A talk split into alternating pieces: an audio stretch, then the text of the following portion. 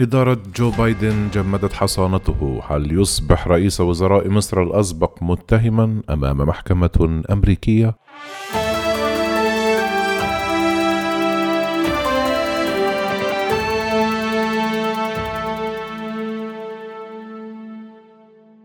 مع إعلان فوز المرشح الديمقراطي جو بايدن بانتخابات الرئاسة الأمريكية في نوفمبر الماضي توقع مراقبون حدوث توترات مع بعض الدول العربية وخاصة مصر بسبب الانتقادات الموجهة للقاهرة في ملف حقوق الإنسان.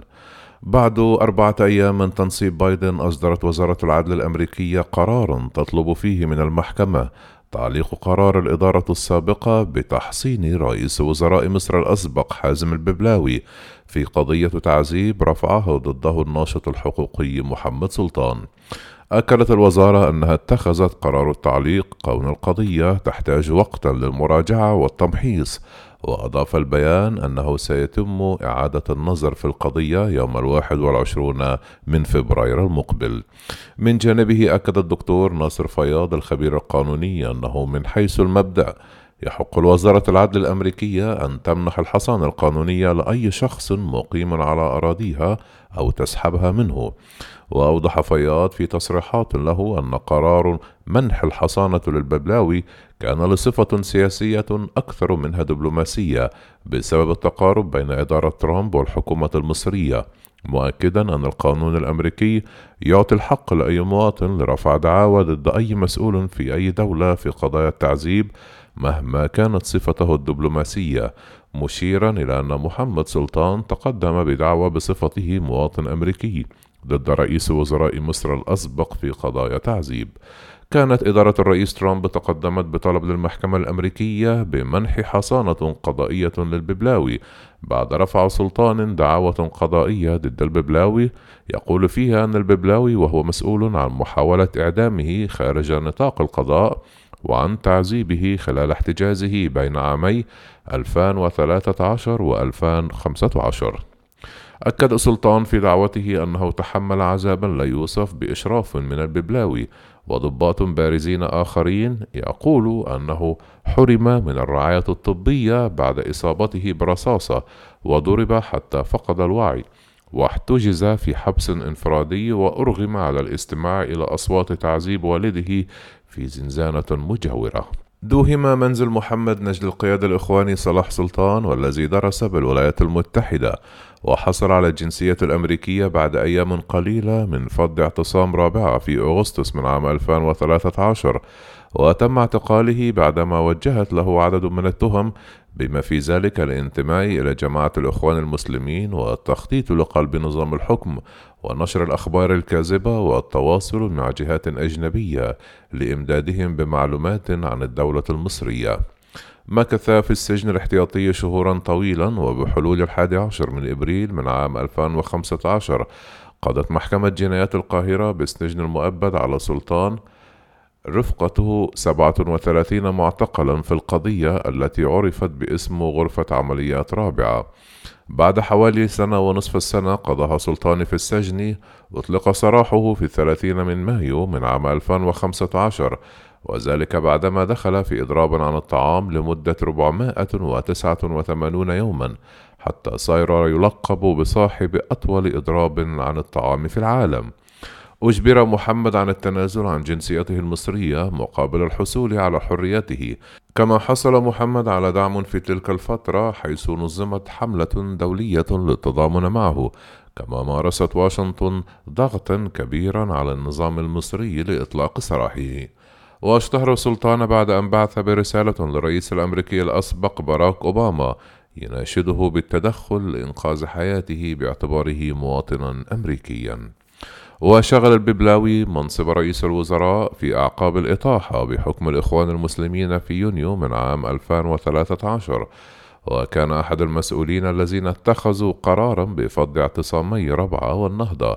والذي أسفر عن وفاة المئات من مؤيد الرئيس المعزول محمد مرسي واعتقال الآلاف كان من بينهم سلطان الذي أصيب برصاصة أثناء عملية الفض يسمح قانون حماية ضحايا التعذيب عام 1991 لضحايا التعذيب وعمليات القتل خارج نطاق القضاء التي يرتكبها مسؤولون أجانب في الخارج بالتماس العدالة أمام المحاكم الأمريكية.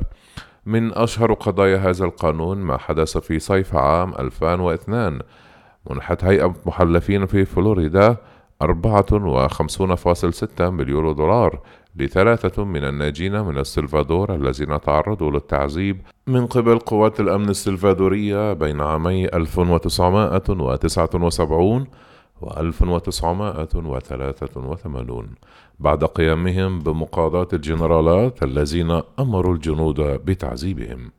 وأضاف فياض في تصريحات له أن تعليق منح الحصانة لرئيس وزراء مصر الأسبق له أبعاد سياسية أكثر منها قانونية مشيرا إلى أن إدارة الرئيس بايدن تريد أن ترسل رسالة للحكومة المصرية من خلال هذا القرار أنها تختلف عن إدارة الرئيس ترامب في ملف حقوق الإنسان وأنها تهتم به. أكد فياض أن هذا القرار جاء بعد ثلاثة أيام فقط من تنصيب جو بايدن لتؤكد الإدارة من خلاله نيتها على الاهتمام بملف حقوق الإنسان وألمح إلى أن هذا القرار وطريقة التعامل ستغير شكل العلاقات بين البلدين في المستقبل.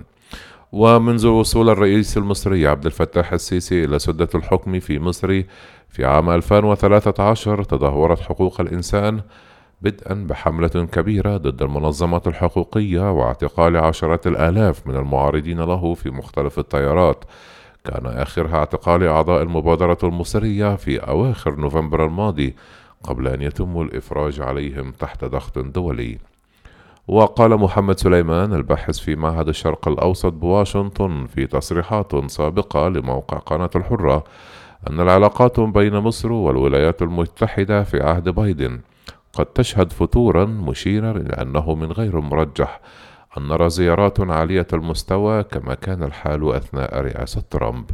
في يوليو الماضي غرد بايدن بأنه لن يكون هناك المزيد من الشيكات الفارغة للدكتاتور المفضل لترامب وذلك في إشارة للرئيس المصري عبد الفتاح السيسي. وأشار فياض إلى أن هذا القرار ليس الرسالة الأولى من بايدن للسيسي فمنذ أيام سلط تقرير لصحيفة واشنطن بوست عن وفاة أربعة أشخاص في مستشفى الحسينية بمحافظة الشرقية بسبب نقص الأكسجين. مما يعني أن الإدارة الجديدة تعطي أهمية لتحسين ملف حقوق الإنسان في مصر. ويبدو أن مصر قد بدأت الاستعداد فعلا لهذا الوضع الجديد مثل أي دولة في الأخرى في المنطقة. فبعد أيام قليلة من فوز بايدن تعاقدت مصر مع شركة ضغط أمريكية تعرف باسم براونستين هايت فربر شيرك مقابل 65 ألف دولار شهريا مما يشير إلى أن مصر قد تكون قلقة من أن حصانتها من العقاب بسبب موقفها في مجال حقوق الإنسان على وشك الانتهاء وذلك وفقا لمجلة فورين باليسي أما بالنسبة لإدانة الببلاوي أو طبيعة الأحكام التي ستصدر أكد فياض أن ذلك يرجع لقرار المحكمة لكنه سيتم استدعائه أمام المحكمة للتحقيق معه في هذه الدعاوي. ولكن بحسب منظمة هيومن رايتس واتش فإن من حق السلطات رفع دعوة قضائية في أمريكا لملاحقة معذبيه. ولكن إذا صدر حكما لصالحه فلن يؤدي إلى عقوبات جنائية بل حكم بالتعويض عن سوء المعاملة.